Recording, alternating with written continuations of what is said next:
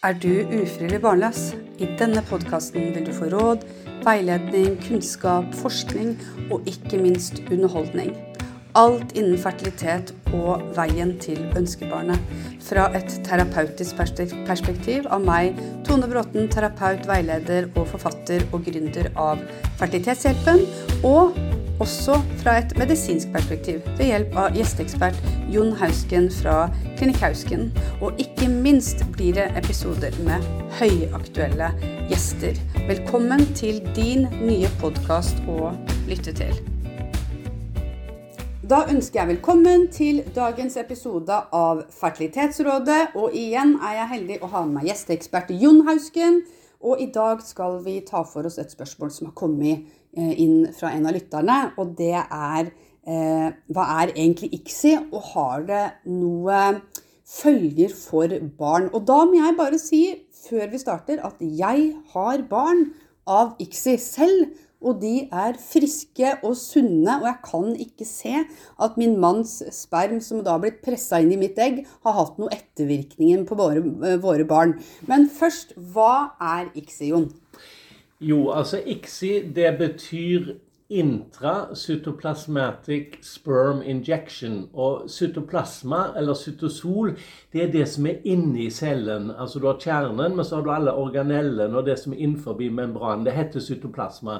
Så det betyr altså at vi hjelper Vi tar én spermie, én sædcelle, og så ved hjelp av nål så går vi inn og befrukter egget. Og hvem er det som trenger det? Jo, det er de med redusert sædkvalitet, hvor vi antar at det ikke vil oppstå en naturlig befruktning av egget. Og da hjelper vi til. Og det er egentlig en i dag så er det jo en enkel metode, men på en måte det er veldig fascinerende hvis du begynner å tenke på det. Og ja, ødelegger du noe? Mm. Det er et mm. godt spørsmål. fordi at jeg, Jeg pleier å si det til mine par at ok, hvis jeg tar en lyktestolpe og så kvesser den spiss, og så kjører jeg den inn i magen din, og så drar jeg den ut igjen. Det, det, er på det viset. Og du hadde ikke overlevd, sier jeg.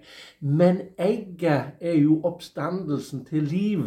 Så egget, det har jo muligheter for reparasjon og Altså, egg er jo helt Det er jo helt fantastisk, det. det, det så, så det fikser det. Men hos noen så kan noen av eggene bli ødelagt av ICSI-metoden. Mm. Og Derfor er det jo viktig da at eh, med god opplæring osv., så videre, sånn at vi skader eggene minst mulig, og da vil de òg overleve. Så vi ser ikke noe økt fare for misdannelser eller noe slikt. Sånn at det er en trygg metode, og det er en veldig god metode, fordi av og til så handler det om matchproblemer òg. At, at liksom ikke egget og spermen til det paret passer sammen, liksom? Ja, dette har vi jo snakket om i mange år. fordi at det, det er òg på folkemunne. det, sånn, Så gikk de fra hverandre, så fikk de to barn hver med en gang. ikke sant? Mm. Eh, og da har vi ofte tenkt på liksom, ok, hun som kanskje hadde noen faktorer, var sammen med en som òg hadde noe redusert. Eh, og dermed ble det et problem. Og så når hun da fant seg en ny som hadde supersperma, og han med litt redusert fant en veldig fertil kvinne, så ordnet det seg. Men det er ikke bare det. Det er matchproblemer, og det er jo så fascinerende. fordi at altså kvinnen, uten at, du, uten at hun er klar over det, så er det altså kvinnen som selekterer. Og kvinnen via, via gene, altså genene som en kvinne har, og genene som mannen har, uttrykkes jo i alle celler. Og da er det sånn at disse spermiene som begynner å svømme oppover fra vagina og gjennom livmorhalsen oppover, der møter en altså celler som på en måte vurderer disse spermiene. Vet du hva, vi er ikke kompatible, sier de. Og så mm. stopper de spermiene. Så noen når aldri opp til egget, for kvinnen selekterer. Mm. Sånn at ikke det skal på en måte Det er vel en del av evolusjonen. Veldig interessant. Mm, det Men altså, så det er årsaker med helt normale kvinner, helt normale menn, mm. men de passer ikke de er ikke kompatible genetisk, og eh, dette dreier seg om immunapparatet. Og Derfor så er det sånn at ved hjelp av ICSI mm. så kan vi overcome that problem. Så kan okay. du si ja, men hvis kvinnen selekterer at du ikke vil ha han, hva så da? Ja, det er jo da en annen diskusjon. på en måte. Kan vi da over tid, over generasjoner, fremelske ting som kanskje naturen ikke ville? Det er jo en annen sak. Men på en måte barna blir jo friske og fine, de. Sånn at eh, det er ikke, noe, det er ikke et problem. Jeg tror, altså I noen tilfeller så møter jeg jo pasienter som er veldig redd for at det her blir eh, for medisinsk, at vi griper inn i naturen og bestemmer at noen skal bli gravide, presser denne sædcellen inn i egget. Eh, det jeg syns er viktig å framheve da, det er jo at når det her egget har blitt befrukta, og det utvikler seg et embryo, som må skje av seg selv Vi kan, vi kan ikke tvinge det til å utvikle seg riktig. Eh, og når det blir satt inn i kvinnen, så kan vi jo ikke lime det, egentlig, eh, selv om vi hadde litt babyglue og sånn da, en periode som kanskje skulle funke. Men, Ja, vi bruker det enda. ja da, men, men det som det, Altså, vi kan ikke 100 tvinge det embryo til å feste seg, eller er det egentlig endometeret som kapsler seg rundt embryo? Er det vel ikke det? Det er vel ikke, det er vel ikke embryo som fester seg i hinna? Ja, det er jo en slags festeprosess, fordi at den, den går jo og snuser rundt eh, der. Og så liksom leter han fram en, en god plass. Og hvis det da er kjemiske eh, responser som sier at her, her, her, er det, her, her vil du, vi at du skal komme, Ja. så, så nøster det seg ned i, i slimhinnen og graver seg ned. Så det er jo for så vidt riktig. Men tilbake til det. Nei, det, du har helt rett. Altså, Det skjer vi gjør- naturlig. Ja, vi gjør, jo, vi gjør jo egentlig ingenting. Nei. Eh, men vi hjelper lite grann. Vi hjelper litt på Eh, og veien. det er klart, ja, og det er klart at eh, vi kan ikke skape et godt embryo. Det er det spermien og egget som gjør sjøl. Ja. Og det må et godt embryo til for oss å få en graviditet og få et barn. Og der har òg kroppen hos kvinnen mange grenseoverganger hvor det kontrollerer er dette embryoet friskt. Mm, Og hvis ikke det er det, og det, eller kroppen lurer på det, så, så frastøtes det. Ja. Så, så det er mange sånne checkpoints som kvinnen har. Ja. Så derfor går det jo stort sett bra. Det går stort sett bra. Og når det ikke går bra, jeg vil bare si det, hvis man får en Mr. Borsten før uke 12, da, eh, er det ikke da, Jon, mest sannsynlig da, så er det jo embryo som ikke var god nok kvalitet. Vil du si det i de fleste tilfeller? Ja, det vil jeg si.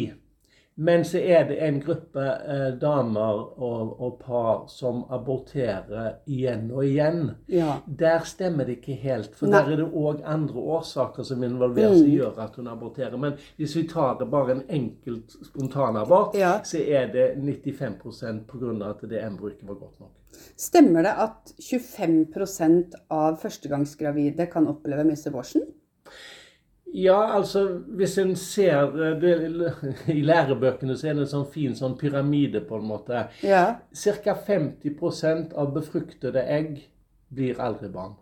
Mm. Og befruktet egg vil da utvikle seg til et embryo. Så en embryoutvikling, der vil altså halvparten ende opp med en, en frastøtning eller en tidlig abort eller en litt senere abort. ja. Så det er ganske mye.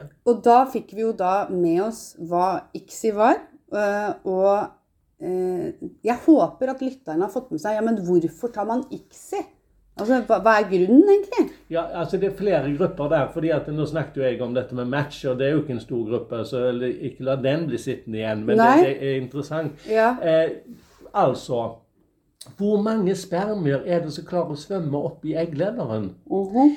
Det er én av én million. Så hvis du skal på en måte ha ti spermier som klarer å karre seg opp i egglederen, så må du ha ti millioner motile, altså bevegelige spermier. Og da er vi tilbake på mannens sædkvalitet. For ofte så får han høre at han har noe redusert sædkvalitet. Men noe redusert betyr kanskje at han har fem millioner motile. Ja, da har han et problem. Ja. Det betyr ikke at han ikke kan, men det er en medvirkende faktor. Så ofte så, så gjør vi mannen bedre enn han er, på en måte. Han er en større faktor. Så én av én million når opp. Så det er jo ikke mange. Og da bør du altså ha en rimelig god setterøve for Ja. at det i det hele tatt skal gå. Det er det jeg pleier å si til disse damene som 40 pluss. Ja. La oss si at hvert tiende egg eh, er, har kapasitet til å bli barn. Det betyr altså hver tiende måned har hun. Så glemmer vi jo det. Å ja, ja, men da går det jo etter ti måneder, da. Ja, hvis mannen har god spermia, men la oss si at han ikke har god spermia. La oss eh, si at han akkurat i den utløsningen der så var det bare fem millioner motile bevegelige spermier. Mm. Ja, så klarer ikke han å befrukte deg, og så er det ti måneder gått i, og så må vi vente nye ti måneder. Så er det ikke bare kvinnen. Nei. Nei. Og da er det sånn at eh, ved IVF, da, for da har vi jo spermiene foran oss, Mm.